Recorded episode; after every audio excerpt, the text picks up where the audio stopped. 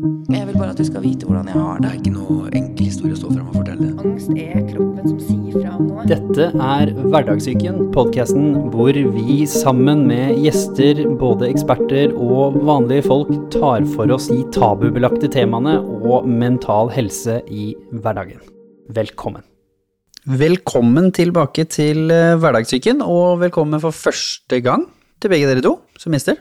Takk. Takk. Dere er nesten de, vært de raskeste til å si takk og på en måte skjønne at dere skal si noe når jeg sier det. For det er sånn vanligvis så sitter folk bare og titter på meg, på mikrofonen, på hverandre. Skal jeg si noe, skal jeg ikke si noe? Så dette gikk veldig bra. God start. Da er vi klare. Og vi skal snakke om selvfølelse, og spesielt blant unge. Og hvordan på en måte selvtillit og selvfølelsen eh, spiller seg blant unge. Og hvordan det da er å bli påvirket av sosiale medier og den verden vi lever i i dag i forbindelse med dette. Så da har vi med oss eh, en som har brukt litt tid på å undersøke saken. Det er riktig. Jeg har eh, faktisk jobba med en doktorgrad nå i noen år om akkurat nøyaktig selvfølelse og sosiale medier og hverdagshendelser som spiller inn på hvordan vi har det. Og du heter Jeg heter Kristina Miljeteig, eh, har da jobba med doktorgrad på Universitetet i Oslo. Jobber nå i Asker kommune med strategi og analyse og planarbeid der. Og en som for så vidt også engasjerer seg voldsomt i dette her, i forbindelse med det du jobber med, men som også har kjent det på sin egen kropp og sitt, eh, sitt eget sinn, holdt jeg på å si. Hvem er du? Ja, jeg heter Lea Mariro. Jeg er leder i Pressredd barn og ungdom. De fleste kjenner oss nok for eh, prisen vi deler ut, uh, Gull-Barbie. Prisen ingen vil ha. Prisen ingen vil ha, ja.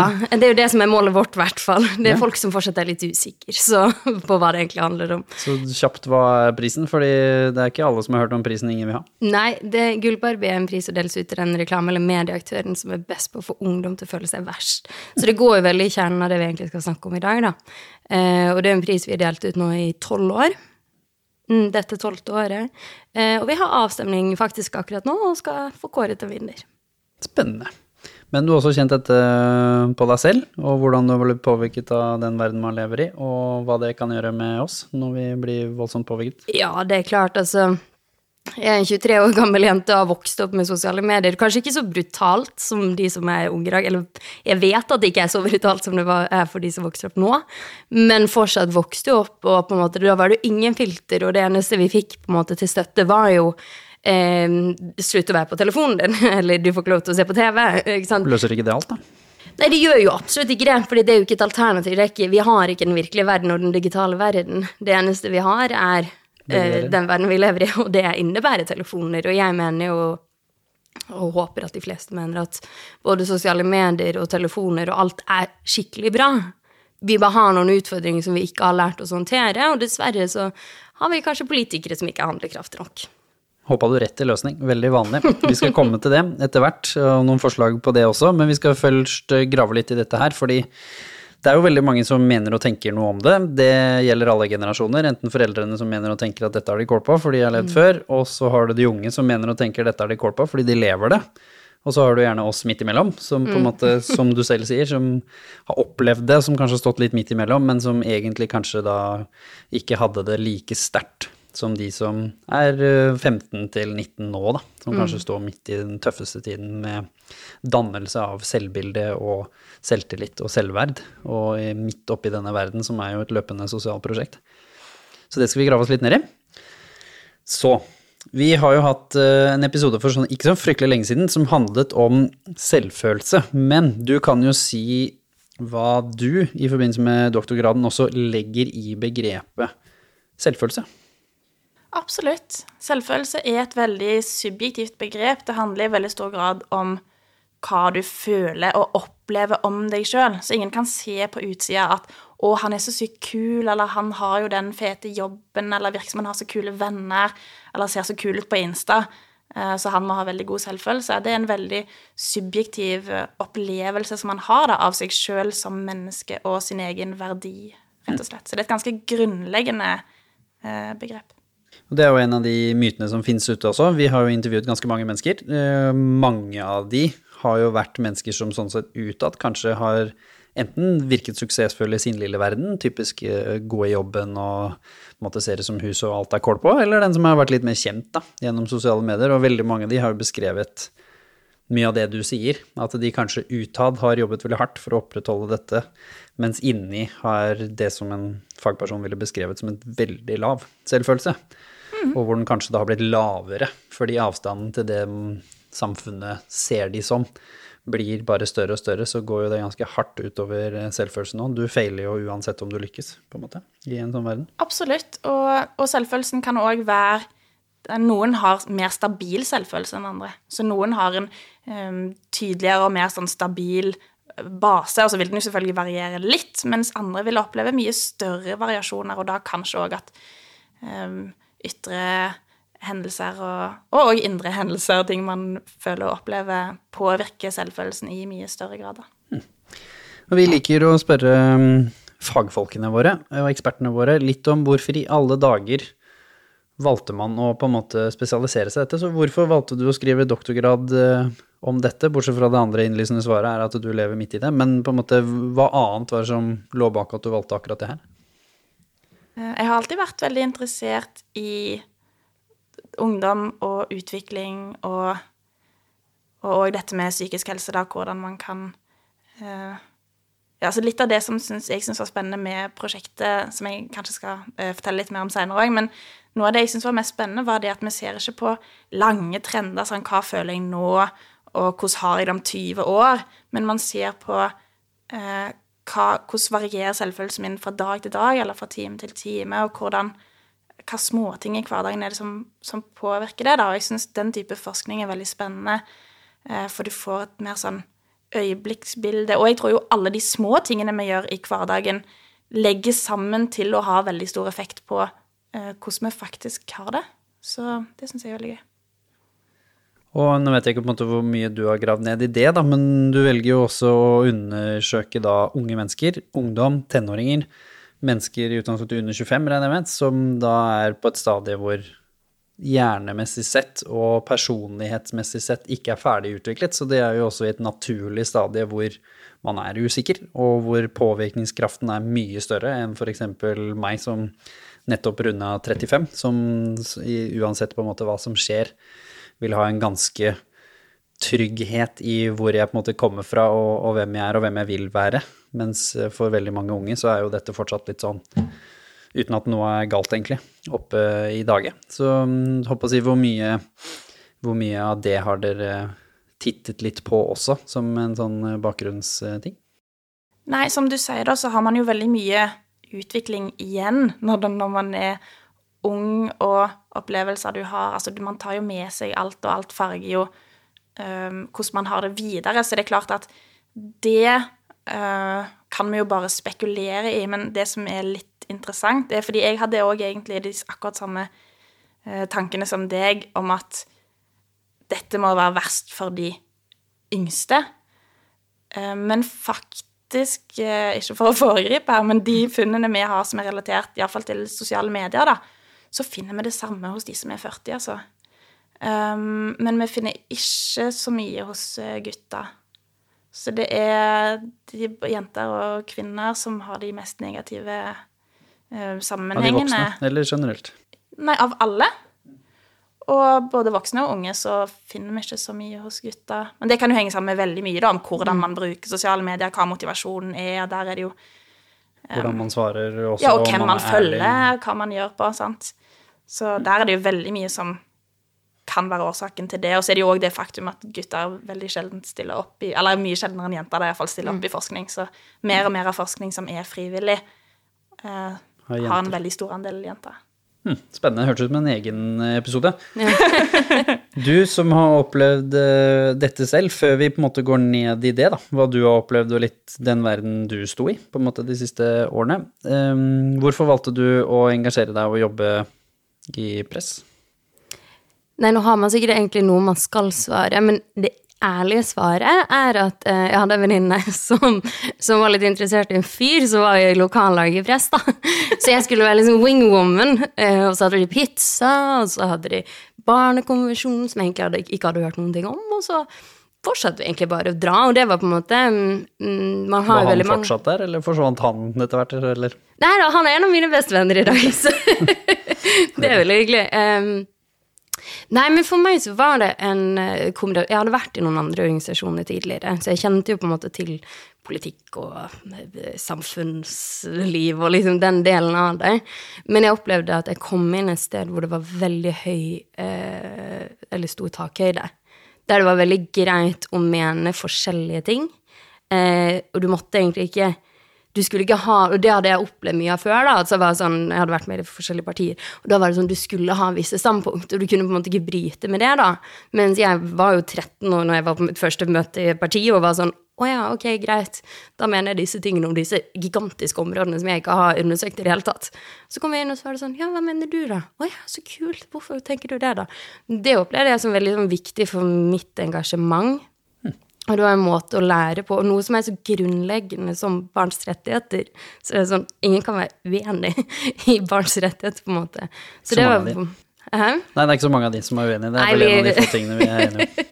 Ja, og det var det som var på en måte, det var en betryggelse i det, og det var det er fortsatt veldig stort tak i det for å prate om ting og utfordre hverandre og utfordre forskjellige standpunkt, og også sider av politikken. Altså, vi er enige med alle partier i en sak, minst. Og det også tenker jeg er en veldig stor verdi, da. Sånn, jeg har eh, jeg syns at alt må prates om, og prøve å finne løsninger på disse store problemene. Um, så derfor opplevde jeg at det å, å bli med i press og jobbe for noe så sentralt og viktig, var en veldig fin måte å bruke tiden min på. Åpenbart, for jeg sitter her ni år seinere, så Nydelig. Og da før vi på en måte går inn i løsningene, kommer dit òg. Hvis du skal fortelle den tøffe siden av dette, da. Hvordan du selv har opplevd at uh, influensere, sosiale medier, reklame, ikke minst eh, påvirket uh, deg og ditt eget selvbilde negativt når du på en måte gikk på ungdomsskolen og videregående. Hvordan, hva var det du kjente på? Og, gjerne gi oss noen konkrete eksempler da, på ting som, som var tøft for deg. Ja, altså det Jeg tenkte litt på dette tidligere i dag, og det, eh, det som man, man har jo åpenbart mange eksempler eh, når man vokser opp i den verden som vi gjør. Eh, men når jeg tenkte over det, så blir jeg jo fortsatt like påvirket i dag. Og jeg jobber jo med det hver eneste dag. Jeg vet hvordan disse mekanismene fungerer, tror jeg. Men fortsatt så er det sånn, sitter du og ser på TikTok, så blir du påvirket. Og det er ikke det at påvirkning er negativt i alle forstander, men når det er et enormt press på spesielt det som påvirker meg i dag, da, som dette her sånn du skal få til alt. Du skal Det er en sånn TikTok-trend, da, som heter liksom That Girl. Liksom, og så er det sånn How to become that girl. Ikke sant? Stå opp Hva klokken er fem. that girl? Ja, det står opp klokken fem. Eh, dra på joggetur, drikke smoothie, ha nitrinns eh, sånn hudpleierutine. eh, dra på ny treningsøkt, skrive i dagboken din i 30 minutter. Og så er det sånn, hvilke mennesker er det som får dette her til? Og det er veldig lite balansert, da. Og jeg tror det er det som er utfordringen, at du ser bare den delen av det, og så ser du det ti ganger da, i løpet av en halvtime. Eh, og så ser du på noe annet som er sånn Å ja, nå skal du være kjempeflink på jobben din. Eh, nå skal du ha verdens beste forhold. Nå skal du være ute og reise. Nå skal du liksom Det er alle disse tingene som hele tiden er i konflikt med hverandre. Eller i hvert fall som forteller deg indirekte at dette er sånn du burde være for å være lykkelig.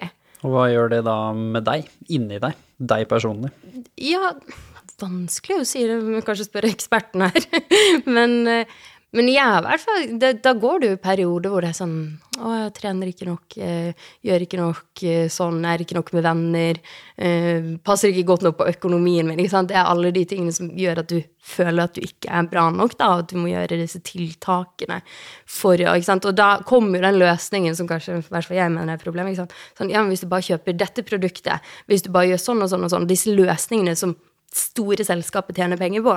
Og sånn, ja, Vi skal vel snakke litt om influencer marketing og sånn, vi kommer inn i Mm. det. Men når du da også var yngre, da. For liksom forskjellen nå er jo at det, selv om man blir påvirket, så er man jo stødigere i det allikevel. Så valget er på en måte kanskje mer ditt enn enn det det var når du var yngre. Men hva var det som var annerledes, hvis du skal reflektere over det selv, når du var yngre, i form av den negative påvirkningen? Ja, da fantes jo ingen retningslinjer. Altså, når jeg fikk min første iPhone, var første generasjonen som kanskje fikk det, da, eh, var jo liksom 14, kanskje 13-14.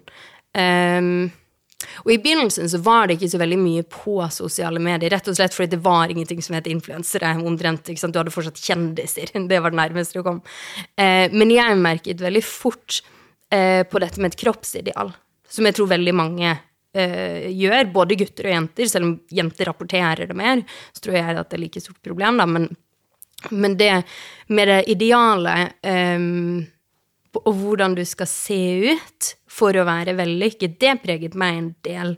Eh, og så tror jeg jeg har vært at jeg har klart meg ganske greit på tross av det. Jeg har aldri hatt liksom store psykiske problemer med det, men allikevel så var det noe som eh, Jeg har jo slitt med det å f.eks. spise flere ganger. Uten at det er på en måte har hatt en liksom, diagnose eller noen sånne ting, men har syntes at det har vært krevende, eller vært en dag hvor du føler deg skikkelig drit, og ser disse bildene, og så dropper du å spise middag, eller eh, drar ut og begynner å trene seks ganger i uken. ikke sant? Og det skjedde en del med meg, eh, at jeg følte på de tingene. Eh, men det var, som jeg sa da, kanskje først, ikke sant, når jeg var si 17-18, at man fikk liksom influensere. Eh, og det ble en business. Og hva skjedde da? Hva var det som var annerledes da enn når du bare så folk som så på en måte i dine egne øyne bedre ut enn deg, da, som var noe du på en måte strakk deg, men hva skjedde når dette plutselig turned into at den personen som også i dine øyne så bedre ut enn deg, også reklamerte for noe? Hva var det som skjedde da? Ja, nei, jeg reklamerte Eller jeg betalte jo for haircare-piller i fire år. Jeg tror aldri jeg tok en eneste av dem, men jeg klarer ikke å si nei heller, altså, når de begynte å ringe meg. Og det er jo sånn at jeg har kjøpt så mange idiotiske produkter som liksom skal bli sånn Ja, men nå skal jeg få fantastisk fint hår fordi denne personen har det. Um, Hva slags tillit hadde du til de? Til disse menneskene som du da har fulgt et par år, da, og som plutselig da begynte å selge ting? um, jeg har eh, ikke hatt så veldig mange sånne store rollemodeller, da.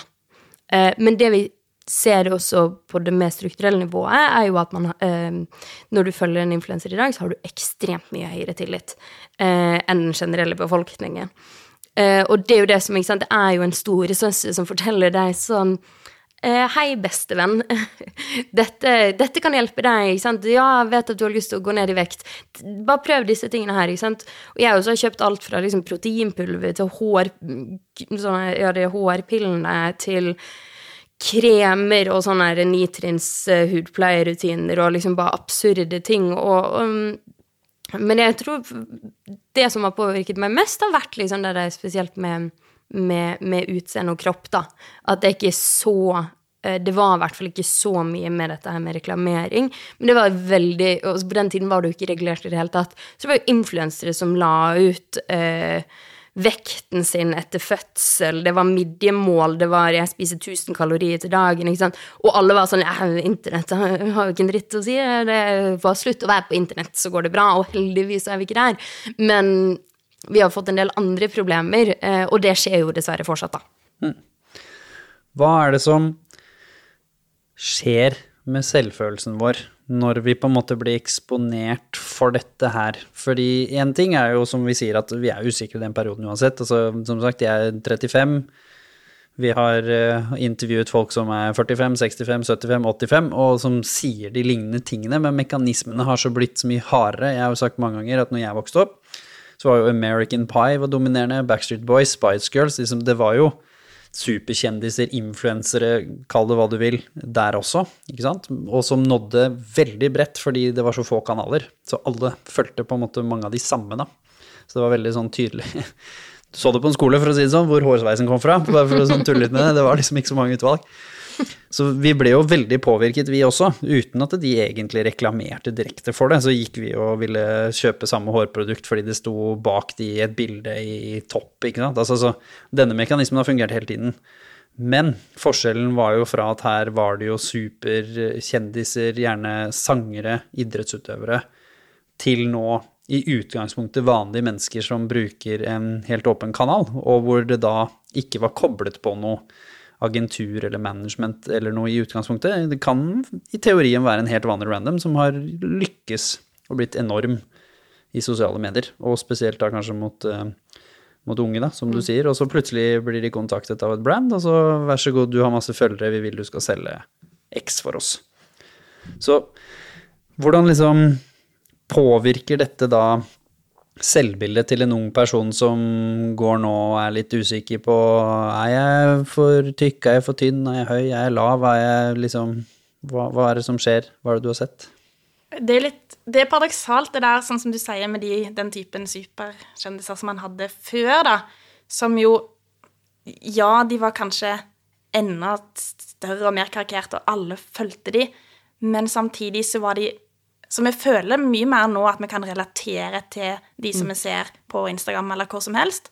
Så det føles nærmere, men samtidig så er de enda mer edita, og man har en helt annen mulighet nå for å skape en person som egentlig ikke har noen som helst rot i virkeligheten.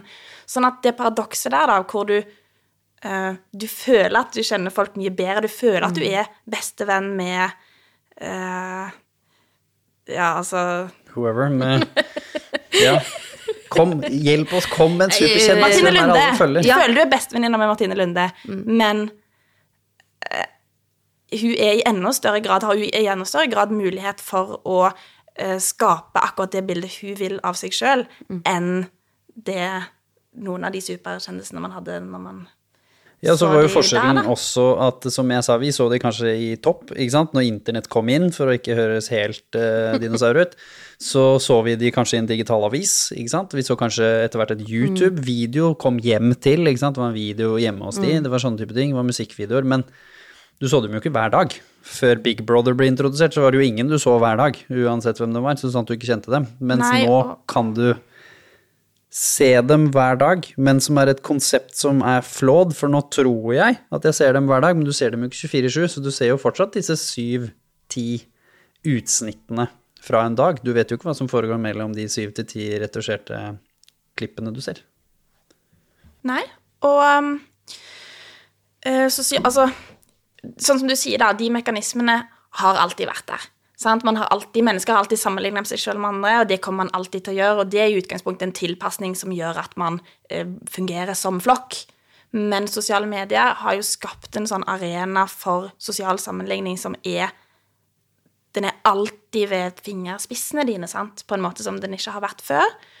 Uh, og, og du kan se at eh, folk sammen Det er en av de veldig dumme mekanismene, og som jeg hører i det som eh, Lea forteller òg, da, er det at du sammenligner jo den verst mulige versjonen av deg sjøl, den som du har inni den mørke og litt kjipe delen av inni deg, med den best mulige versjonen som noen med et superstort apparat og masse penger rundt seg, i noen tilfeller da fall, klarer å presentere av seg sjøl. Og det er det verste i dag, du trenger jo ikke det apparatet lenger. Fordi det er laget så mye raske innebygde Altså vi som jobber med et filmteam og på en måte har litt sånn filmkompetanse her, da. Noen av de på det filmteamet er jo nå helt sjokkert hva slags raske redigeringsmuligheter som er i en app. Som er på nivå med det hvis du går ti år tilbake, du måtte ha to års utdanning for å få til. Ikke sant? Teknologien har beveget seg så raskt at nå kan en 14-åring basically redigere en video på nivå med en bachelorstudent for ti år siden. Altså for å flåse litt med det, da. Og ikke bare det, men også når du ser på filteren det legges opp til på en del apper, og det er jo det jeg synes, altså sånn, En ting er å laste ned eksempel FaceTune, da, som har vært en veldig brukt app. Vet ikke hvor brukt det er nå. Um, men det er jo også det at inni selve appen, når du skal legge ut noe, eller når du står og skal lage en story, så er det tilgjengelig. Du bare trykker på hvilke filter som gjør huden din renere, øynene dine større, nesen din mindre, leppene dine større, mer kinnbein Altså, det er så brutalt det, altså sånn, det verste jeg opplevde, var når jeg var 18, så var det det hundøren jeg kom på Snapchat. på en måte, Og det er en helt annen virkelighet. Og det er derfor det er vanskelig å på en måte si konkret hvordan det har påvirket liksom, eller påvirker oss unge, fordi jeg aner ikke. Jeg syns det hadde vært helt forferdelig å skulle vokse opp med det presset som man har, og alle de mulighetene du har til å legge ut deg selv, og den der eh, redselen jeg tror veldig mange har for å sant, De skaper dette perfekte bildet på nett. Og så er det sånn, ja, men hvem er jeg utenfor dette her, ikke sant? Når folk ser deg i virkeligheten, og ikke disse retusjerte versjonene av deg selv. Så jeg tror det er så mange lag, da, at det er ikke sånn de som retusjerer seg selv, de er dritpersoner eller influensere som gjør det, for jeg tror det er veldig, veldig mange som kjenner på dette her. Men så bidrar vi alle da på den måten med å styrke det kroppspresset og den dårlige eh, selvfølelsen. For det er et veldig spennende poeng, da, som hun sier, som var det jeg var litt inne på i stad. Når liksom forskjellen på virkeligheten du legger ut, og hvem du er, er stor. Én ting er jo influensere som på en måte har litt større bevissthet rundt hva de gjør. Det er liksom en del av profileringen deres. Men som hun sier, vanlige tenåringer som velger å gjøre litt det samme, og så går de på skolen hver dag. Så selvfølgelig, hvis jeg følger bestevenninna mi, eller bestekompisen min, så vet jeg jo hvordan de ser ut i virkeligheten, på en måte.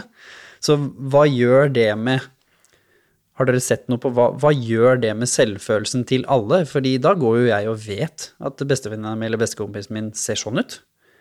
Men når jeg ser dem på Snap, på Insta, på TikTok, så ser de sånn ut. Blir man allikevel påvirket, eller er man sånn da at liksom ja, ja, jeg vet åssen de egentlig ser ut, så dette går fint? Altså, dette syns jeg òg er veldig, veldig spennende, og jeg har ikke sett på det, men jeg har lest en studie um, som så på litt av det samme, hvor de fant ut at um, jo flere venner du hadde på Facebook Dette var i, for noen år siden, da, hvor folk var mer og mer på Facebook. Men jo flere venner du har på Facebook som du ikke kjenner i virkeligheten, jo mer negative konsekvenser har det. Så det vil si at hun venninna di som du vet mer om, som du vet at OK, ja, shit, hun la ut det bildet der og, som var sykt fint, og jeg skulle ønske jeg så ut sånn, men jeg vet òg at hun eh, sikkert at altså, du, du Og i går mer spiste om hun hamburger eh, med oss på skolen, så du på en måte ja, ja, du har et mye mer nyansert bilde da, av den personen, og det bidrar til å gjøre at du blir ikke like negativt påvirka av å se det bildet som du blir av å se et bilde av noen som du eh, Ikke ikke, kjenner i det hele tatt, fordi da har du ikke den Jeg tror nok når du ser folk som du i hvert fall kjenner litt til, da, så, så er det mye lettere å òg se hele bildet av personen, mens når du ser bare disse menneskene som du eh, kun har sett på en viss måte, så er det veldig vanskelig for oss å tenke at OK, men de har sikkert en dårlig dag iblant. Altså, det, det bare går. Det er ikke sånn det fungerer, da. Og spesielt da kanskje når man blir overeksponert, da. Når på en måte, som man sier, at eh, du har alle disse, superinfluenserne du følger. Du har alle disse vanlige menneskene som du kjenner som du følger. Og så har du jo også en annen gjeng med såkalt vanlige influensere som du følger, som er et eller annet midt, midt imellom. Som har på en måte ja, alt fra 10 000 til 50 000 på Instagram. For det er jo ikke en superinfluenser lenger heller. Det er jo da en veldig mange som legger god innsats i det, er jo, kan jo komme dit med litt sånn tjuvtriks. Så hva liksom skjer da, når det er hele verden din på en måte blir digital? For du sa det litt fint i stad, du sa vi kan ikke, vi kan ikke bare si slutt å være der. Fordi hjernen vår klarer jo nesten ikke å Det er jo påvist at hjernen skiller jo egentlig ikke helt mellom hva som er visualisering og hva som er ekte. Så når vi på en måte er på Snapchat, vi lever jo nesten inne i Snapchat og inne i TikTok. Der hvor vennene mine er, der hvor jeg er. Så dette her koker jo sammen i huet mitt til en virkelighet til slutt. Jeg vet jo ikke hva som er filteret, og hva som er ekte til slutt. Nei, og jeg tror sånn som du sier da, det kan Altså, jeg eh, Jeg tror det er riktig òg, sånn som Lea var inne på, at man kan ikke si at liksom slutt med det, eller sosiale medier er utelukkende negativt. For man har òg funnet mange grupper som hvis du er i en eller annen marginalisert gruppe som er litt liten, hvis du har en sjelden sykdom, så kan man finne nettverk, og man kan oppleve en veldig stor glede av å finne sammen på på sosiale medier, og det kan være bra for mange. Og det å interagere med andre er jo òg stort sett bra. Sant? Man har jo funnet studier hvor det er en positiv sammenheng mellom sosial mediebruk og selvfølelse og de tingene òg, men da måler man eh, antall interaksjoner, da. Sant? Hvor du Da måler du det positive, på en måte. Du finner ja, det du Ja, leter etter. nettopp. Men altså, sannheten er jo at under 10% av den tiden man tilbringer på sosiale medier, bruker man til faktisk å interagere med andre. Sant? Nesten all bruken er jo passiv. Og sånn som du sier, da, jo større det tårnet blir av folk og følgere og ting du blir eksponert for, som går som en sånn film sant, som bare surrer og surrer og surrer, så, så tror jeg nok at det, ja, summen blir mer og mer eh, negativ, da. Og folk spør jo meg, eh, nå siden jeg har funnet eh, Jeg har ikke funnet så mye positivt da med dette med sosiale medier, f.eks. Eh, verken i forhold til ensomhet eller, eller selvfølelse. Men eh, jeg er jo allikevel på Instagram. Eh, Ja, for alle spør eneste- liksom, om du slutter ja, med Instagram? Ja, ja, ja. Alle, og jeg, nei, nei, sitter og scroller. Men det eneste grepet jeg har tatt, hvis man kan kalle det det, er at jeg har eh, gått inn og avfølt ganske mange eh, altså med internasjonale kjendiser og folk, altså, ting som jeg virkelig ikke trenger. Da. Ja. Eller mulige løsninger. Det er jo ingen enkle svar. Når du sto litt midt i dette her, da, nå som du hører liksom noen av disse tingene Før du på en måte ting gikk litt bedre, da, som du sier at du kanskje vokste litt inn og fikk litt mer kunnskap og på en måte ting endret seg litt i hvordan du lot deg påvirke. Hva var det som på en måte skjedde mens det eskalerte?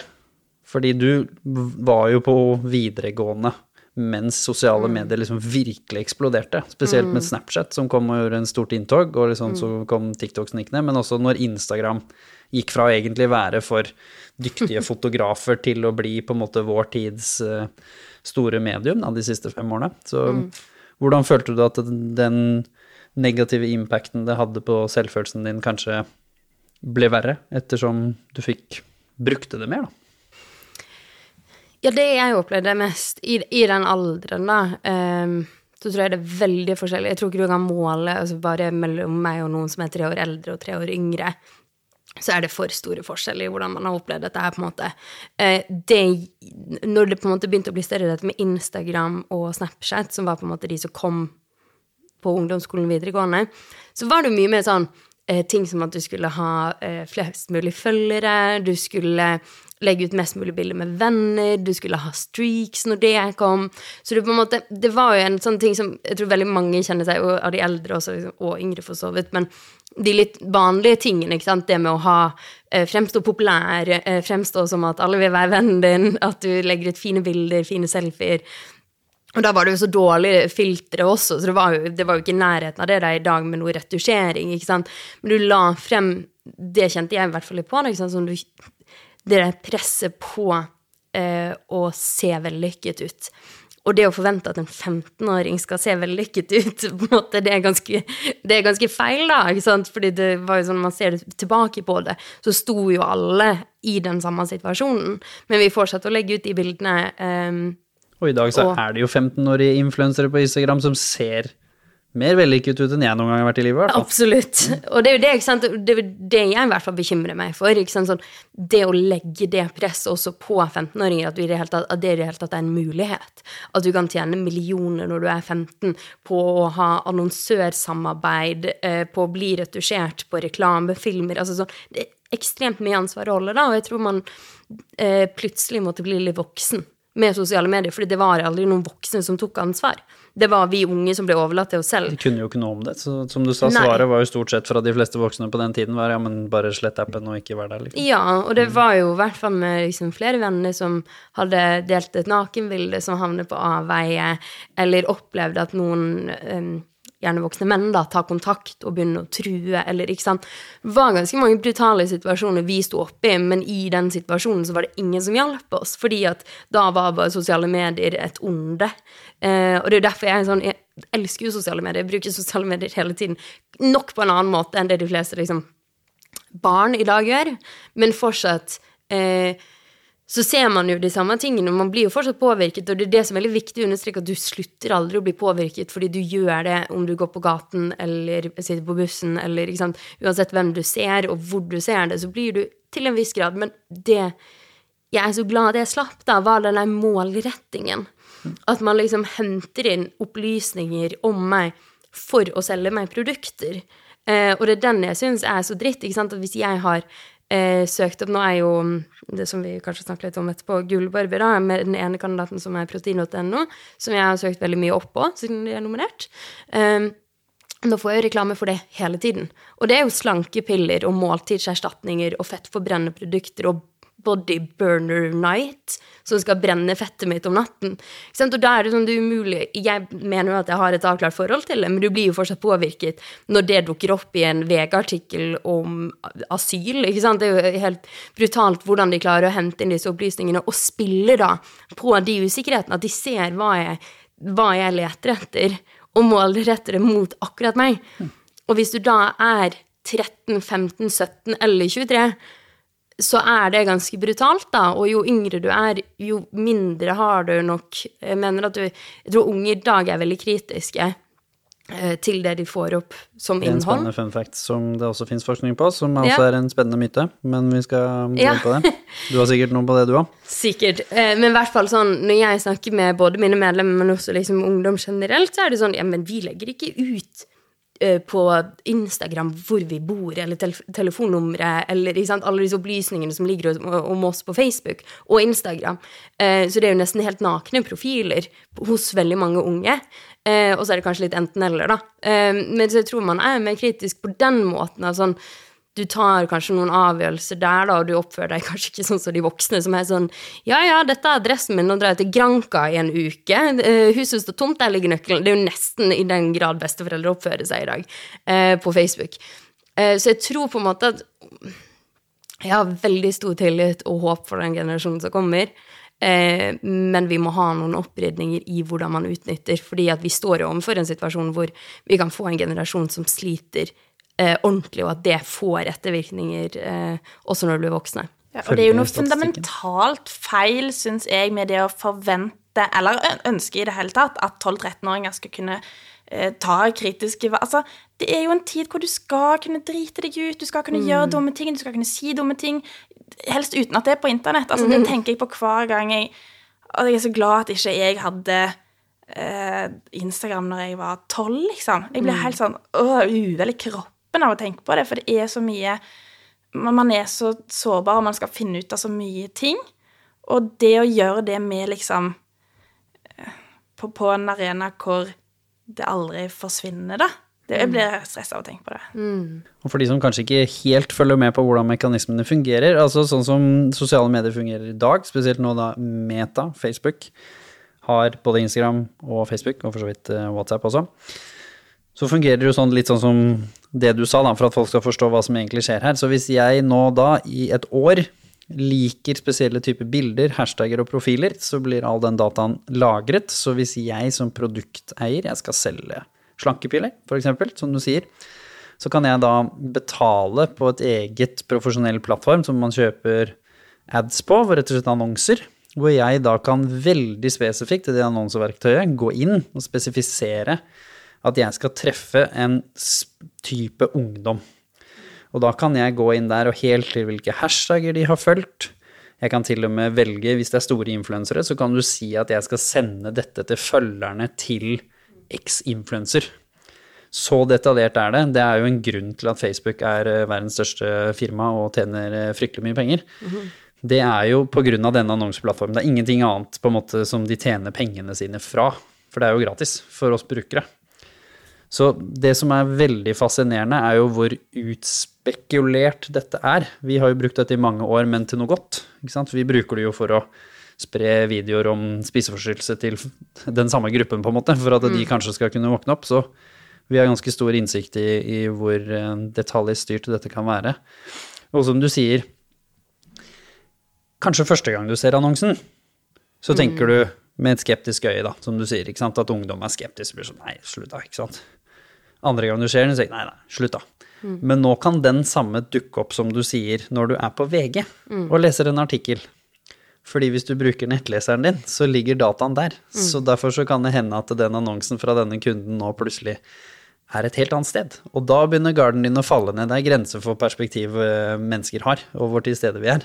Ja, og når du er på det mest sårbare, da, hvis du eh, føler deg på topp, så tror jeg det er lettere å ta kanskje de rasjonelle valgene. Men hvis du har en skikkelig drittdag, og alle har drittdager eh, da at du liksom får den samme opp, ikke sant, at da, den dagen føler du at eh, der du er tjukk eller stygg eller er ikke brun nok eller har ikke fint nok hår eller har ikke store nok muskler, ikke sant, og at du får det opp igjen, ikke sant, sånn i men nå har jeg sett den så mange ganger, ja, men da er det en Det kan være en løsning for meg. Og jeg mener jo at måten man driver eh, opplys, altså sånn med private opplysninger om barn og unge, det burde vært ulovlig å oppbevare. Og det er mange ting som burde vært ulovlig, ifølge meg, men, men, spesielt der har vi nesten roten av problemet, altså med den målrettingen vi ser, som det ikke engang, De later ikke engang som. Sånn, de prøver målrettet å selge oss produkter.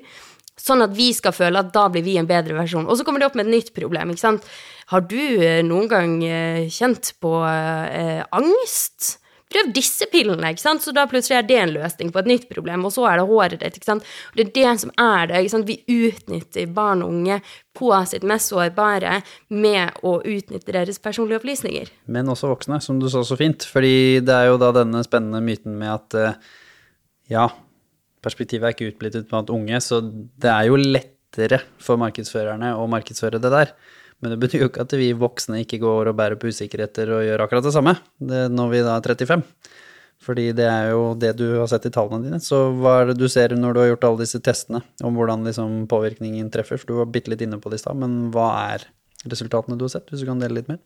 Ja, det kan jeg godt. Nå er det um, bruk av sosiale medier vi har, har sett på.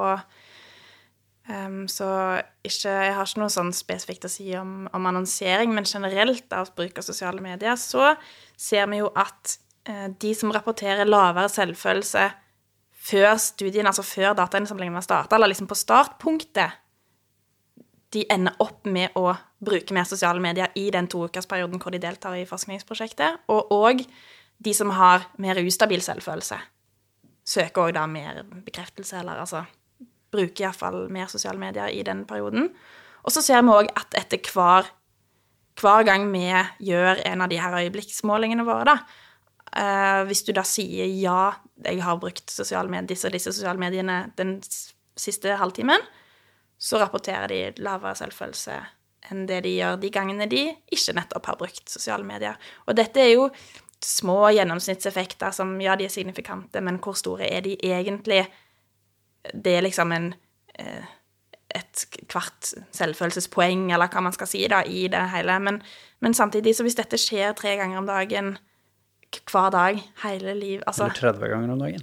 Ja, ja, prøv, prøv det Som heller. gjør for noen, Ja. som Ja, ja. da står midt i en dårlig, som du sa, da, når du har en, kanskje en tøff periode. Absolutt. Og sånn som Altså, man trenger ikke engang, Det trenger ikke engang være at du klikker på den linken, for å bruke det eksempelet. da, Det handler bare om når du får en gjentatt eksponering. og Det viser jo all forskning, og det er grunnen til at reklameindustrien er så sinnssykt stor. Fordi folk eh, blir ikke påvirka av reklamen nødvendigvis på den måten at de ser den linken, og så trykker de seg rett inn og kjøper det. Men når du har sett det nok ganger, så ligger det en eller annen plass i bevisstheten som gjør at når du er på det punktet hvor du ikke orker mer, eller nå trenger jeg et eller annet, så er det det første du, så er det det du kommer på. Og så er det det du skriver inn i søkefeltet, fordi jeg husker Eller det mange du kjøper når du står i butikken. Så Ja, ja, har du blitt eksponert i et halvt år for dette produktet, og så ligger det i kassa. Og sånn som nå, da. Nå er det eneste jeg kommer på som selv Jo, det er Proteinfabrikken. Det er det eneste jeg kommer på nå. Hvis jeg skulle hatt gått inn på en sånn type proteinnettside, da, for eksempel. Så er det det eneste jeg husker. Og så, hva på en måte ser man i, i disse tingene? Var det noe som, som overrasket deg? Som er noe som du på en måte ikke forventet å finne? Eh, ja, det er jo disse tydelige kjønnsforskjellene, da, som jeg var litt inne på, at det er såpass ille å være jente. Og det var jo noe kanskje jeg frykta, men ikke tenkte at var så ille. Fordi at eh, altså, noen av de effektene som jeg har snakka om nå, finner vi ikke hos guttene. Eh, og, da, og det er vanskelig å si om um, menn i mindre grad lar seg påvirke, eller om det handler om hvem de følger, og hva de blir eksponert for når de faktisk bruker sosiale medier. Eller det kan være det jeg har noe med hva som er motivasjonen deres til å søke ut i sosiale medier i utgangspunktet. sant? Tar du opp telefonen bare ja fordi du skal Til. Ja, ja. ja. Det kan jo være så mye. Absolutt. Så, Og at gutter det kanskje ikke er så ærlige i sånne forskninger også. Vi har sett ganske mye på det. Vi har diskutert mye mot eh, SHoT-undersøkelsen også, Mm. som selvfølgelig er en veldig kjent eh, undersøkelse for studenter. Hvor man selvfølgelig også har en høyere andel kvinner som har svart på den psykiske helsedelen enn menn. Mm. Det, det er jo ikke så store forskjeller på de som har svart på hele undersøkelsen, men akkurat da den delen som handler om psykisk helse, er det ganske graverende. Mm. Ja, og det er litt morsomt, for jeg har òg sett på, på ensomhet eh, Ikke for å le av, le av ensomhet, men det, det som har eh, Som både vi har sett, og som eh, jeg har sett når jeg har søkt det litt opp i andre studier òg, er at for du kan måle ensomhet ved å spørre sånn Føler du deg ensom? Og så svarer man i hvor stor grad. Ja, akkurat nå, eller den siste uka, har jeg følt meg så og så ensom. Eller så kan man måle det indirekte. Spør hvor ofte føler du at du gjerne skulle hatt selskap av noen andre? Hvor ofte føler du deg isolert fra andre? Skulle du gjerne hatt noen å snakke med? og når du ser på direkte spørsmål om ensomhet, store kjønnsforskjeller. Jenter er mye mer ensomme enn gutter. Når du ser på de indirekte målene hvor ordet ensomhet ikke ble brukt, ingen forskjell. Så der er det noe spennende. Det var en av de tingene som slo meg også når vi snakket om dette i forbindelse med gutter, at det, en måte, det å snakke om sosiale medier og selvfølelse er jo stereotypt sett et tema som kanskje er litt mer anerkjent hos kvinner at det er en greie. Altså at det, er noe det finnes, og man er helt åpne om at ja, jeg blir påvirket, jeg føler Ikke sant, som du sier nå, ja, selv i dag, du har ikke noe problem med å si det, det er ikke noe skam i det. Mens en mann hadde nok hatt mye større problemer med selv å innrømme det nå, da. At Ja. liksom, ja, jeg blir påvirket av de jeg Men følger. vi, vi prøver jo òg når vi designer, altså når vi lager den typen eh, forskningsdesign, da, og ikke gjøre det helt superobvious at akkurat det er selv, jeg skal skrive en artikkel om selvfølelse og sosiale medier. Så vi spør jo òg om Og fordi det er nyttig for oss, selvfølgelig, så spør vi òg om har du trent, har du Vi spør om ganske mange forskjellige ting. Og så spør, har vi helt til slutt en sjekkliste med sosiale medier. sånn at, at det kan selvfølgelig være noe med rapporteringen, sånn som du sier, men, men um, ja. Jeg tror òg det er Det er nok noen mekanismer i hvordan man bruker det. og Har dere sett noe på um, da litt effekten? Hva, hva, hva er konsekvensene? Har det liksom vært noen målinger på det, på hvordan konsekvensene er, som du sier, da, i forbindelse med at, dette, at de lever i denne verden? Nei, og det er jo det som er så uh, spennende og fælt samtidig, at uh, vi vet jo ingenting om langtidsvirkningene av dette, og det uh, skriver jeg litt om i den ene artikkelen min òg, at ja, man kan si at disse effektene egentlig er isolert sett veldig små, men noen lever denne hverdagen, og noen vokser opp med dette, denne, dette jevne trøkket da, hver dag. Og hva vet vi egentlig om, om hvordan det påvirker de som vokser opp nå? Sant? Det aner vi ikke. Og det har jo jeg opplevd òg når jeg, jeg, har reist litt rundt og holdt foredrag og på noen videregående skoler i Oslo og samla inn data og sånn. Og veldig mange av altså 16-17-åringer som rekker opp hånda og sier sånn Vi er egentlig med på et kjempestort eksperiment. Ingen vet hvordan dette påvirker oss. Det er skikkelig skummelt, sier de til meg, da, de 16-17-åringene. Um, og det ja, vi sitter jo med mye av inputen, da. Altså vi som organisasjon, ikke bare Hverdagssyke, men Human Aspect også, får jo veldig mye tilbakemeldinger. I tillegg til store ambassadører som holder mye foredrag på en måte som har litt tempen på ungdom. Noen influensere som også får mye innsikt, ikke sant. Som både Helsesista og Syk deg og Simen Almaas og det er jo en hel haug som er connected til, på en måte, til vårt nettverk også. Og man, man ser jo at veldig, veldig mange beskriver det som en litt sånn akselererende effekt, som vi sier. Altså, alle disse tingene har vært til stede hele tiden. Så det er jo ikke noe tvil om at det å, å føle at du ikke strekker til, om det er for å være uh, the, the, woman eller the girl, hva du kalte hashtagen her i stad, uh, eller om det er rent utseendepregede ting, som mm. gjerne mye av dette her henger sammen med. Så ser man jo at det selvfølgelig har en negativ effekt. Man trenger ikke å forske på det. Det er innlysende. Spørsmålet er hvor mye større den er i dag mm. enn når jeg vokste opp, med da, som jeg sa, store influensere. Alle så samme kanalene, og alle ble like mye eksponert, men vi hadde det ikke i lomma. Så det var pause, på en måte, hvor vi gikk ut i den virkelige verden og hang med klassen og var på fotballtrening. Det var jo på en måte den største forskjellen på den verden som jeg vokste opp i, og den verden som du vokste opp i, som var mellomtrinn, og den verden de vokser opp i i dag. Nå er det jo hele tiden, og hvis du måler gjennomsnittstiden man er i den digitale verden, som nå er en del av en verden, så begynner det liksom å krype opp mot ganske høy prosent av din våkne tid. Hvor du lever i en verden som er kunstig, da. Hvor det er på en måte filter, og hvor det er eh, annonser, og hvor det er ting som, som er vanskelig. Var det For dere har jo tatt litt sånn tråd på å gi en pris som ingen vil ha. Mm. Hva er det dere ser og hører i alle de som snakker om dette og tar kontakt? Hvorfor engasjerer folk seg i å liksom si ifra hvem som påvirker de negativt? Det vi opplever egentlig mest, er eh, For vi har en del foredrag på skoler. Ikke de to siste årene, åpenbart, men vi har pleid å ha det. Og, og da er det veldig mange som sier sånn ja, Da har vi masse bilder av reklamer. Ikke sant? Sånn helt syke reklamer. Når du ser det i på en måte det perspektivet som vi snakker om det, da. Eh, og det er så mange som sier sånn Ja, jeg har sett denne reklamen tusen ganger. Har ikke tenkt over at det var noe galt for noe, på en måte. Altså sånn Eller mange som sier 'jeg har det hjemme', liksom. Ja, ja, ikke sant, men du, du um, internaliserer det.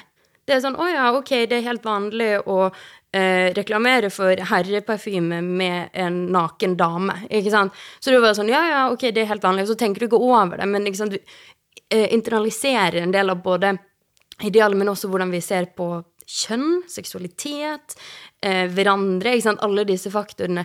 Eh, så det er kanskje den tingen som har altså, liksom, stått frem mest, som jeg opplever da når jeg snakker med, med elever spesielt, eh, at folk blir sånn å ja, shit, det er galt, ja. Altså sånn, det er jo helt absurd når vi ser det i dette perspektivet, men vi møter jo ting som det, og verre ting, hver eneste dag. Um, Og det jeg tror skjer med uh, en del, er at sånn um, Vi baserer jo på en måte kroppspressdebatten på, på en modell da, som, som, viser det at det er tre måte, hovedfaktorer til hvorvidt du internaliserer um, idealer, og om du sammenligner dem med andre.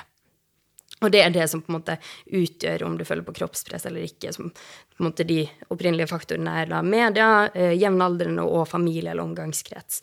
Um, og det vi ser mye av, er at eh, det er jo åpenbart individuelt hvorvidt man føler på kroppspress eh, eller er på en måte tilbøyelig til å få dårlig psykisk helse. Altså det er noen sånn genetiske ting som ligger, sikkert ligger til grunn her, eh, som jeg ikke skal uttale meg for mye om.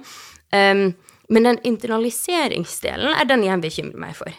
Eh, det at vi ser bruker jeg Kylie Jenner som et eksempel, som alle kan sikkert til dels i hvert fall eh, kjenne igjen, da.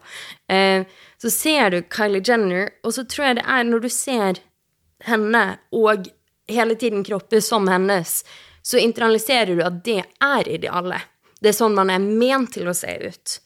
Og så begynner du å sammenligne deg selv med det, men også de i klassen. ikke sant? Hvordan ser jeg ut i forhold til den personen? ikke sant? Hvor store muskler har jeg kontra han? Hvor tynn er jeg kontra han? ikke sant?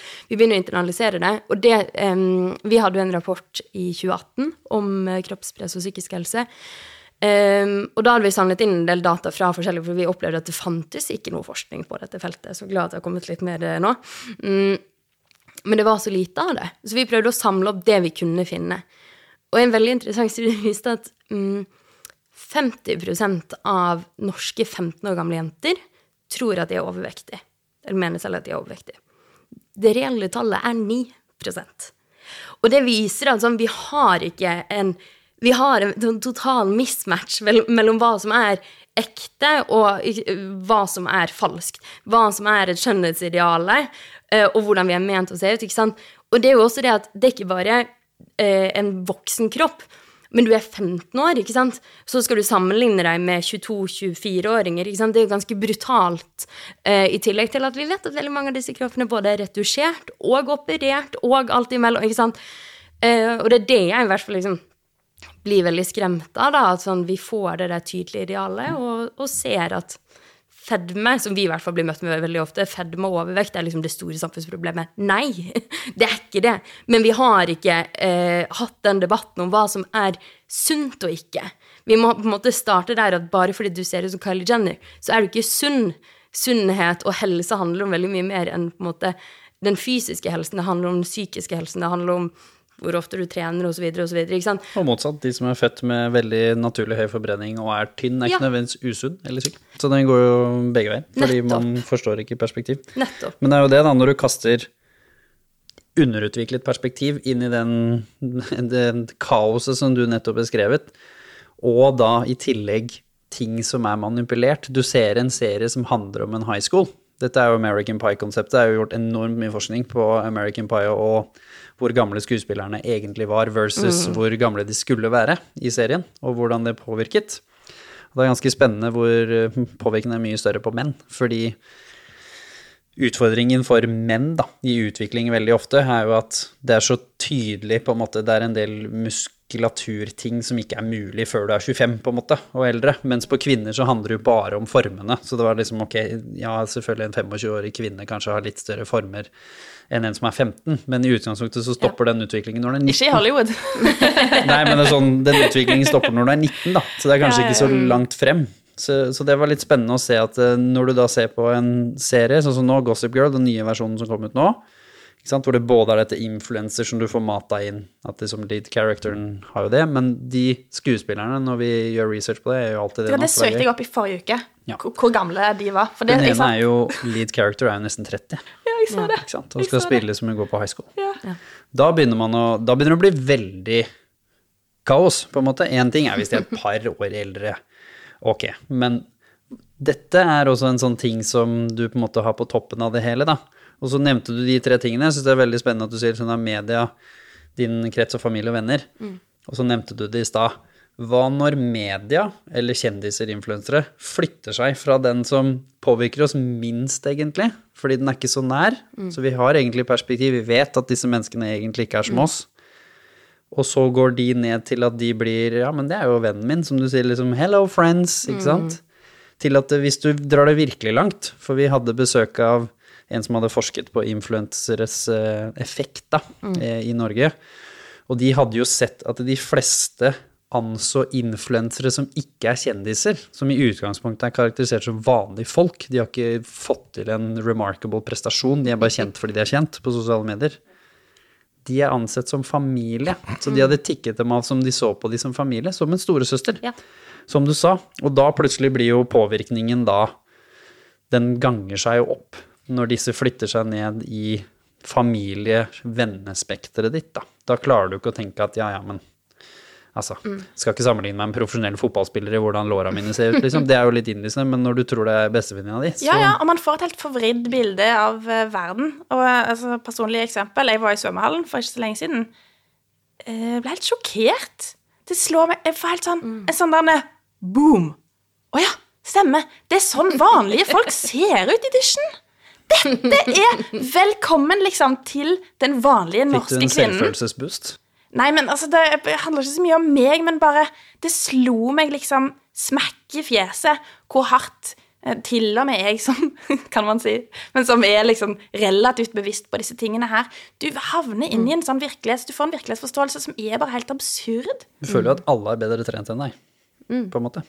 Og så kommer du jo inn i, som du sier, men I offentlig svømmehall, Bølerbadet, der lover jeg deg, der er ikke alle bedre trent. Nei, og, og det er jo helt fint, som du sier. Liksom, Verden er jo det den var for 20 år siden også, som du sier. Hvis du går og måler liksom overvekt, eller måler liksom disse andre tallene da, som handler om fysikk, så er vi jo pluss-minus der vi var for 20 år Ja, siden. ja, Så- og bare å tenke at disse folkene er sunne og friske, de føder barn, de ammer, sant. Nei, Noen av dem er kjappe til å svømme òg, ikke sant? Noen og har er god kondisjon. veldig gode på å og, ikke sant? Så, jo, men eh, til, til slutt da, så snakker vi jo Vi kan jo begynne med deg. Hvordan hvordan håndterte du det bedre, annet enn at du bare ble eldre? på en måte? Var det noen konkrete grep du tok, som du gjorde etter hvert som du fikk mer kunnskap og innsikt i disse tingene, som gjorde at du nå opererer litt annerledes på sosiale medier enn du gjorde når du gikk på videregående? Um, vanskelig spørsmål hva man konkret gjør. Jeg, jeg lærte mer om det, tror jeg rett og slett. Altså, og der er jo på en måte jeg jobber jo med det i dag. Men jeg jobbet også det når jeg var 14, da. Så det på en måte er jo ikke sånn at jeg har eh, Altså, jeg lærte om kroppspress og psykisk helse ganske tidlig. Ehm, og tror at det hjalp meg veldig mye til å ikke sitte i den situasjonen jeg tror veldig mange andre havnet i da, og i hvert fall havner i nå. Uh, at det liksom uh, man blir påvirket, men du uh, kanskje hadde et litt mer balansert syn på det, da. Um, men for meg så handlet det om å eh, Jeg syns jo denne bransjen er veldig interessant.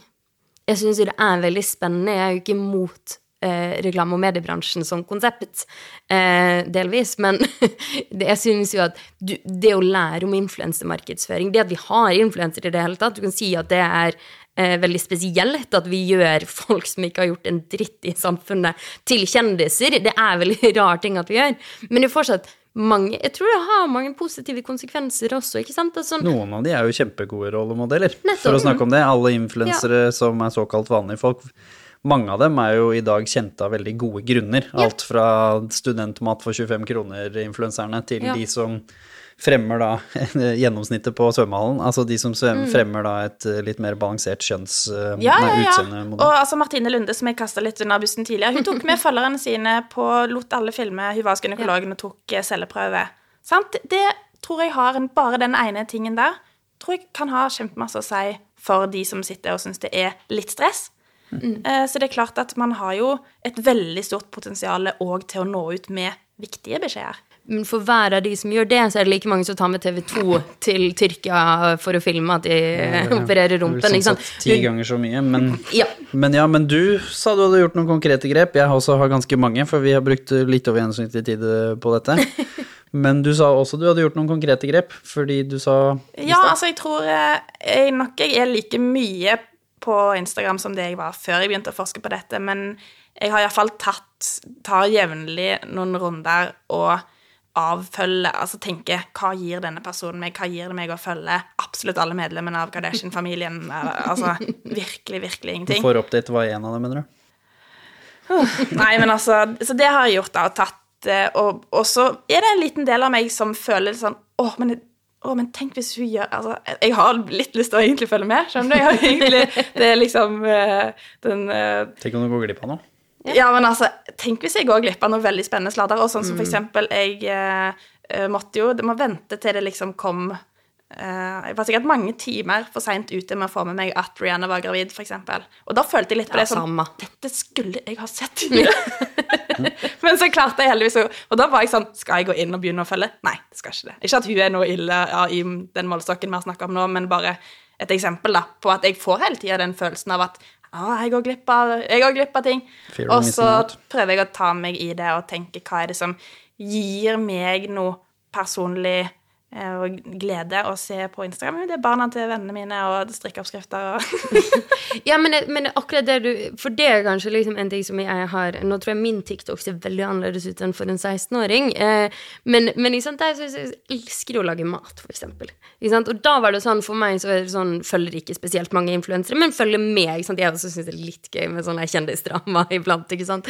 Em, men, men for det meste så er det eh, eh, politikk, ting som skjer i samfunnet. Jeg liker å lage mat, så da har jeg liksom Jeg har noen runder, sånn som du har med å avfølge, det gjør ikke jeg.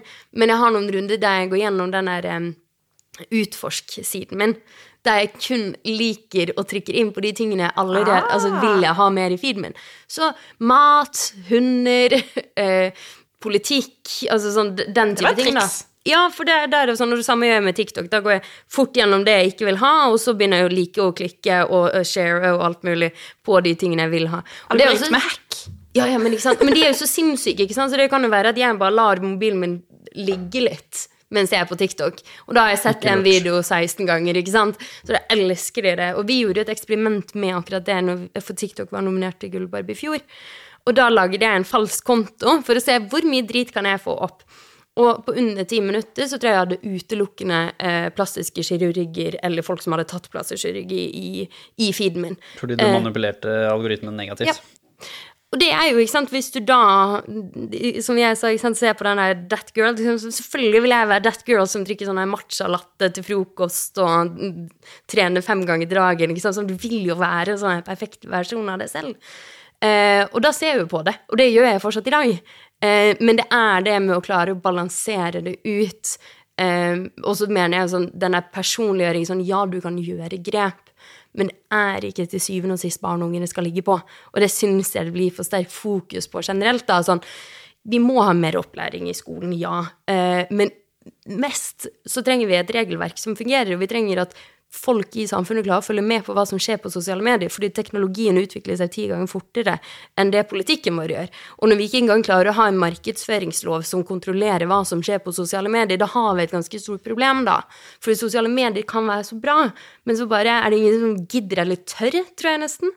Men vi møter i hvert fall alltid dette med ytringsfrihet, at det liksom Vi kan ikke regulere sosiale medier pga. ytringsfrihet. Nei, det er jo helt feil. Vi regulerer på alle andre plattformer. Vi har jo omtrent ikke reklame ute i sentrum lenger. Men det er helt Vi får greit. ikke lov å dele et eh, intervju som handler om seksualitet i USA, fordi, ikke Ja. sant? For det er regulert, så Alle våre videoer på TikTok blir slettet fordi vi bruker influensere sine eksempelbilder. Altså reklamer de har lagt ut, men det blir slettet når vi legger det ut for å vise hva som faktisk vises.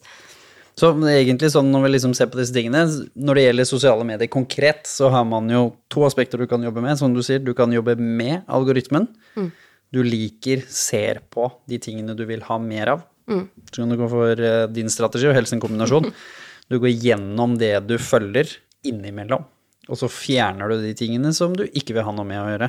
Både da hashtags eh, for så vidt eh, på TikTok og på Instagram, eller da selvfølgelig venner og kjente. Og her kommer det en litt ting som er litt morsomt, som man må tørre å spørre seg selv. Som jeg på en måte opplevde en liten stund, fordi jeg har levd og jobba og styra overalt. Så jeg har liksom møtt fryktelig mye mennesker. Så det er ikke de menneskene som jeg ikke kjenner det er snakk om, det er de jeg har møtt eller kjenner litt. Frykt, hvis jeg skulle ha fulgt alle de, så hadde det blitt fryktelig mange, og det hadde blitt veldig mye rart på en måte på min feed, som skal jo handle om det jeg på en måte har lyst til å bli eksponert for. Så har jeg valgt å opprettholde ganske mye av det, fordi jeg har lyst på eh, variasjon. Jeg har ikke lyst til at det skal ha ekkokammer. Så det er jo én ting man må tenke på. Hvis du bare følger det du bare liker hele tiden, så blir det fryktelig ensidig. Men jeg har da også begynt sånn Selv om dette er bestekompisen min fra gamle dager, så må ikke jeg følge tilbake. Den regelen der, den er død. Det var i gamle dager, når du hadde 15 venner. Da følger alle tilbake, fordi 15 pluss minus det har ingenting å si. Men når du begynner å bli en del oppi åra, engasjerer deg i politikk, kanskje har vært mye rundt, gått på flere skoler, så begynner det å bli ganske mange du må følge tilbake hvis du skal tørre å, eller hvis du skal opprettholde den. da. Så det der å tørre å liksom si nei, du må ikke det. Og det er ikke noe galt i det, for det handler bare om at kanskje hvis du elsker å stå på snowboard, og jeg blir kvalm hver gang jeg ser eh, en snowboardvideo, så velger jeg å ikke følge deg, fordi hvis ikke så dukker du opp hele tiden. Sånn. Ja, jeg har jo også bare sluttet Jeg har ikke sluttet å bruke sosiale medier, men jeg kjente i hvert fall på på et tidspunkt at jeg var bare veldig lei. Så jeg har bare gjort alle mine kontoer sånn jeg er der, men jeg har ingenting personlig. Fordi at, og det, Vi hadde en rapport nå nylig om netthets, og det vi så, var jo sånn nesten alle ungdommene vi snakket med, hadde en felles frykt for å bli utsatt for netthets hvis de la ut noe på sosiale medier. Og den tror jeg også veldig mange kjenner seg igjen i, da. Så jeg i hvert fall valgte det å bare sånn Nå er det min jobbprofil. Alle mine private kontoer er bare ikke sant, Facebook og Instagram og TikTok. Det er bare jobb for meg. Eh, så det var litt synd at det blir sånn også, for jeg syns jo det er mye bra. Men det var liksom i hvert fall min måte å ta et steg tilbake, da. Eh, fra den verden vi lever i. Og så vil jo vi på en måte sånn generelt, det var kanskje dere titta litt på også, men det der med ekstremhandlinger, da. Heller da sånne bevisste handlinger, som du sier, men det er ikke sant mange som går fra full action åtte timer om dagen på sosiale medier til social media detox two weeks. Alle disse ekstremhandlingene har veldig dårlige langtidseffekter. Så det, da tar du heller et valg og sier jeg ønsker å være på denne kanalen, og så kvitter du deg med to andre hvis det blir for mye for deg, på en måte. Det er sunnere. Eller som du sier, nå blir dette profesjonelt. Det blir jobb. Jeg går inn og jeg kjeder meg, på en måte. Enn disse detox-bitene. Fordi i dagens verden Det er ingenting galt med å ikke være der, hvis det er det som er målet ditt long term. Men hvis det er bare sånn til og fra at du gjør det liksom to måneder i året, Ja, jeg skal bare ha en pause. Ja. ja, så er det veldig negative eh, effekter, ser vi da. Og så er det jo også noen med altså alle medietyper er ikke like, og alle har ikke lik påvirkning på oss heller. og sånn som, Selvfølgelig finnes det jo unntak, og folk blir mobba på Snapchat og sånn, men sånn som på Snap så er det jo òg mer en kultur hos mange for at man kan se ut hvordan man vil, og at det er mye mer, og ting forsvinner, mens Instagram er jo veldig mye mer polished, hvis man kan si det sånn. Og YouTube eh, er det eneste som eh, jeg har sett ikke gjennom min egen forskning, da, men gjennom artikler jeg har lest, at har en sånn gjennomgående positiv eh, rolle i livene til folk. Mange. Litt annen type medium også, som Ja, hvor du på en måte ja, ikke det har den samme sammenlignes men, men absolutt. Og så selvfølgelig til eh, alle spennende foreldre der ute, for det er nok mange av de som hører på også, som kanskje står i dette, så er det jo viktig Jeg vil for så vidt eh, utfordre deg litt på det du sa i stad, fordi det, ja, det går så fort at uh, man ikke henger med. Ergo våre systemer for å lage en ny lov henger i hvert fall ikke med, for den er jo treig fra før. ikke sant? Selv om i covid så vi at det er mulig å gjøre ting fort der òg, men til vanlig så er det jo ikke det. Så jeg vil faktisk heller tørre å påstå at vi må jobbe med disse tingene, men de må vi også anerkjenne at alltid kommer til å være for seint ute. Så det er utrolig viktig at vi løfter inn kunnskap hos de unge, fordi, som du sa, man skal ha håp til de unge. De tar ganske gode valg med en gang du belyser elementer og gir de informasjon. Jeg var på, holder jo foredrag hele tiden, og jeg hadde en sånn litt artig sånn mind trick som vi gjorde på folk, hvor vi sa ok, har du 1000 følgere, ganger du det da med 50, som er det i antall dager i året man antar at man har noe delbart, ikke sant, det er bare et sånt gjennomsnittstall. Og så tar du da og deler det på, på eh, eller du ganger, nei, deler det på 365 antall dager i året. Ikke sant? Da vil du hver dag du ikke har en god dag, bli eksponert for 137 av vennene dine som har en av sine 50, hvis det hadde vært jevnt fordelt, ikke sant? pluss minus 100 da, hver dag. Og hvor mange av oss er det som scroller forbi 100 av vennene våre? Da skulle du sitte lenge på newsfeeden din før du kommer forbi de. Så det vil si at hver eneste dag, 300 dager i året, så er du eksponert for noen som har det bedre enn deg. Og bare ved at jeg sa det høyt, sånn at de ble sånn Det hadde jeg ikke tenkt på. Så plutselig kanskje de neste gang de går inn, klarer å se, da, sånn som du var og sa i stad. Når du følger én konto, så var det den personen som var så flink til å trene, følger neste konto, eller som var så flink på skolen. Og så inni huet ditt så caller du jo disse sammen til å være samme person. Ja. Så du skal jo prøve å få til alt dette. Mens når jeg da gjorde de bitte litt bevisst på dette her, hvor det var sånn Det er nok ikke så mange som har bedre, veldig mange flere gode dager enn deg, det er bare at du kåler alle dine 500 eller 1000 eller 5000 for den saks skyld eksponenter inn i én. Og, Og det- da ble det litt sånn spennende, fordi med en gang den informasjonen kom, så har jeg fått tilbakemelding nå da, i lang tid etterpå, hvor flere av de har liksom genuint sagt at det endra måten de gikk inn, uten at de gjorde noen andre endringer. Bare at de var bevisst på at ja, det var kjipt å se at den personen var og trente nå fordi jeg sitter hjemme og spiser potetgull, men jeg kan trene i morgen, og jeg vet at den personen kanskje i morgen sitter og spiser potetgull. Ja, men det er jo så gøy at det Nei, men det er jo det, at bevisstgjøring kan ha så være så viktig. Og det er vel noe av kjernen i forskningen din også, at du ønsker å løfte dette frem og bevisstgjøre det, gjennom da å vise til Vi har mange antakelser og tanker om hvordan dette påvirker oss. Her er noen svar. Absolutt, og det er det jeg tror er løsningen òg, sånn som Lea sier. Vi kan ikke begynne å si nå Hallo, alle sammen! Det der sosiale medier-greiene, dropp det, liksom. Det, vi kan ikke gjøre det. Vi må, ja, vi må, vi må ha føringer på, på dette med retusjering, og vi må ha kule folk som lager arenaer som de sier, vet du hva, her det gjør vi ikke sånt. Men vi må òg gjøre folk bevisst over hva de ser, og hva de blir eksponert for hele tida, da. Ja. Og da er det jo mulig også å snakke om selvfølelsen, disse tingene. Det oppfordrer liksom alle som ser på også. Er du ung selv, snakk om disse tingene. Én samtale om disse tingene, hvor dere går inn på hver deres profiler, og så løfter dere frem noen av disse eksemplene, den enorme effekten de kommer til å ha. Bare da å si at liksom, ja, åssen ser Ola eller Ahmed eller Mohammed eller Jasmin ut på den? Men så går du i klasse med disse menneskene, og så sammenligner du litt. Ikke for å liksom få fram de negative effektene og forskjellene, men mer det bare for å minne deg selv litt på at ok, de fleste jeg følger, legger ut en versjon som er liksom Det er eh, 120% av hvordan de egentlig ser ut. Det er 20% der som ikke er ekte. Det er en veldig god start på å få litt mer bevissthet inn i bruken din, da.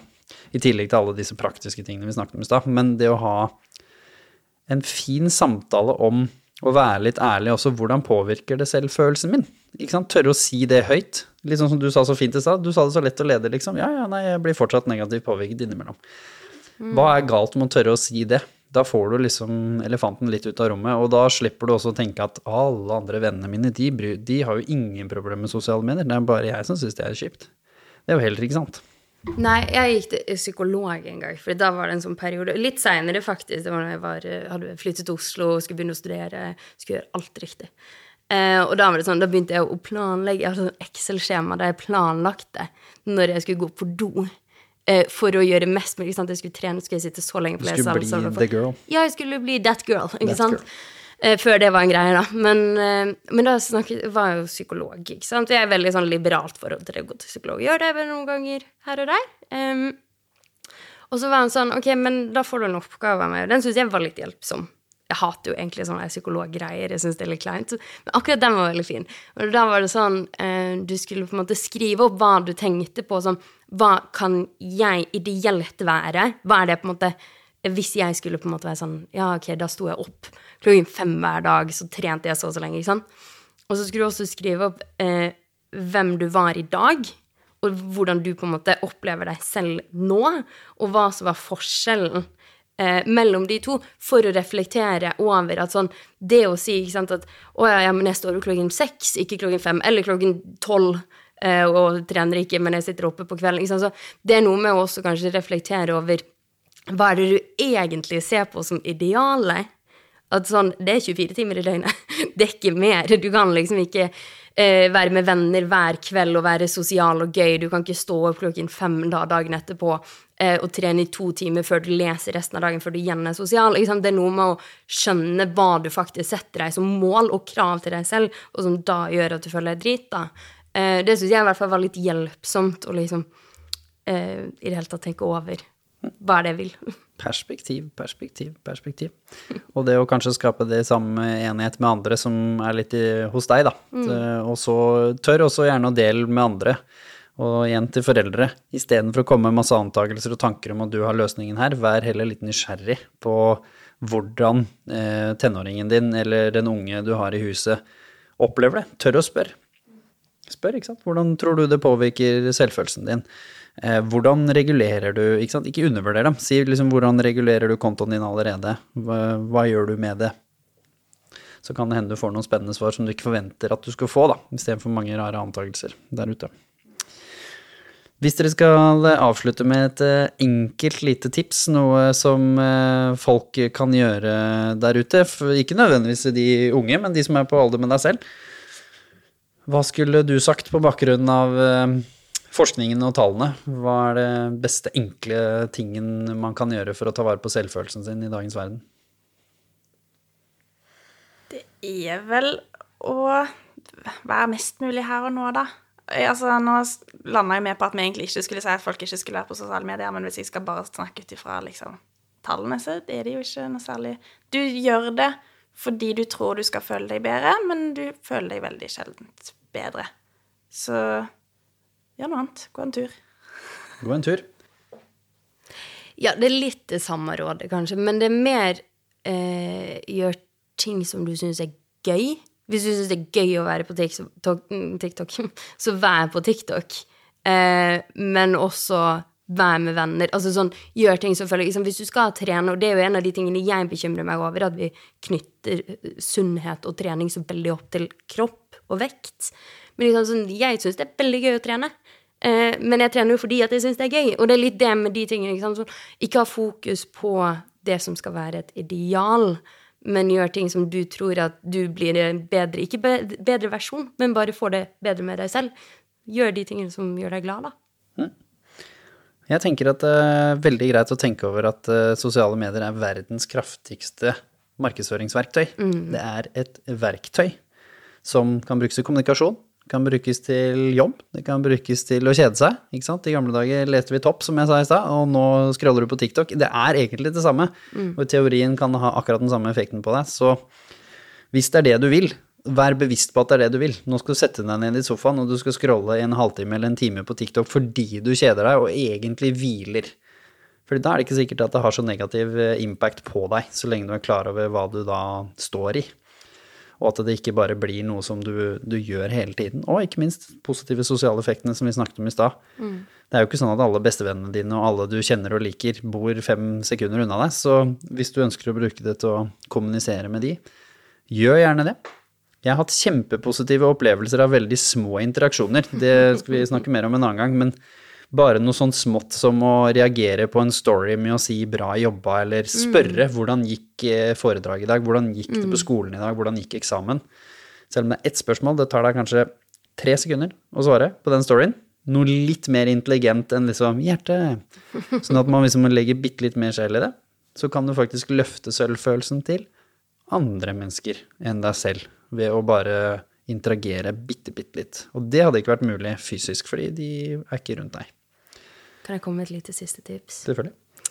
Eh, jeg vil også anbefale folk, spesielt hvis du følger en influenser, det å faktisk prøve å lese litt om, om den influenseren, om det managementet. Altså sånn, Undersøk de tingene som du bruker sinnssykt mye tid på. Hvis du bruker masse tid på TikTok, så undersøk hvordan fungerer egentlig TikTok. Hvordan fungerer de algoritmene? For det er veldig spennende sånn oppriktig bare å lese om, men det gjør også noe med hvordan du oppfatter det som skjer. Så jeg trykker f.eks. alltid på sånn dislike på ting jeg ikke vil ha på TikTok, som jeg ikke hadde sikkert funnet ut av hvis jeg ikke hadde lest om det. Men det gjelder ikke sant, med store influensere som er millionbedrifter, da. Tenker du over at det er storesøsteren din? Ja, men sjekk hva de faktisk har i inntekter, sjekk hvor mange ansatte de har, sjekk hvilket management de har. Sjekk når de får kritikk, så lover jeg deg at det er manageren som svarer hadde ikke, det hadde ikke skjedd på deres profil. Så det syns jeg også er litt viktig, da. Og, og det hadde heller ikke skjedd med storesøstera di. Nettopp. Nei, det er sjelden manageren svarer for, eh, for storesøstera og lillesøstera mi. Det hadde vært spennende i verden. Tusen hjertelig takk til uh, dere alle sammen. Uh, spennende, begge to. Og alle som hører på. Fortsett å sende tips til hvem vi skal ha som gjester, hva vi skal snakke om, og hva dere syns er spennende men også tør å dele dette og interagere. Dette er jo, Du oppdager antagelig dette på sosiale medier, eller så følger du oss på Spotify eller hvor nå enn Apple eller hvor du hører på podkasten din. Så for at du skal fremme positivt innhold, så interager med dette. Del det. Interager, skriv, like, legg inn en kommentar, for da kommer det i hvert fall mer av noe som kan være positivt i menneskers liv, da, opp eh, på feeden. Så det var en liten oppfordring eh, sånn sett fra oss. Og ikke minst, vær bevisst. Og så ha en så god dag som du ønsker å ha der ute. Ha det bra.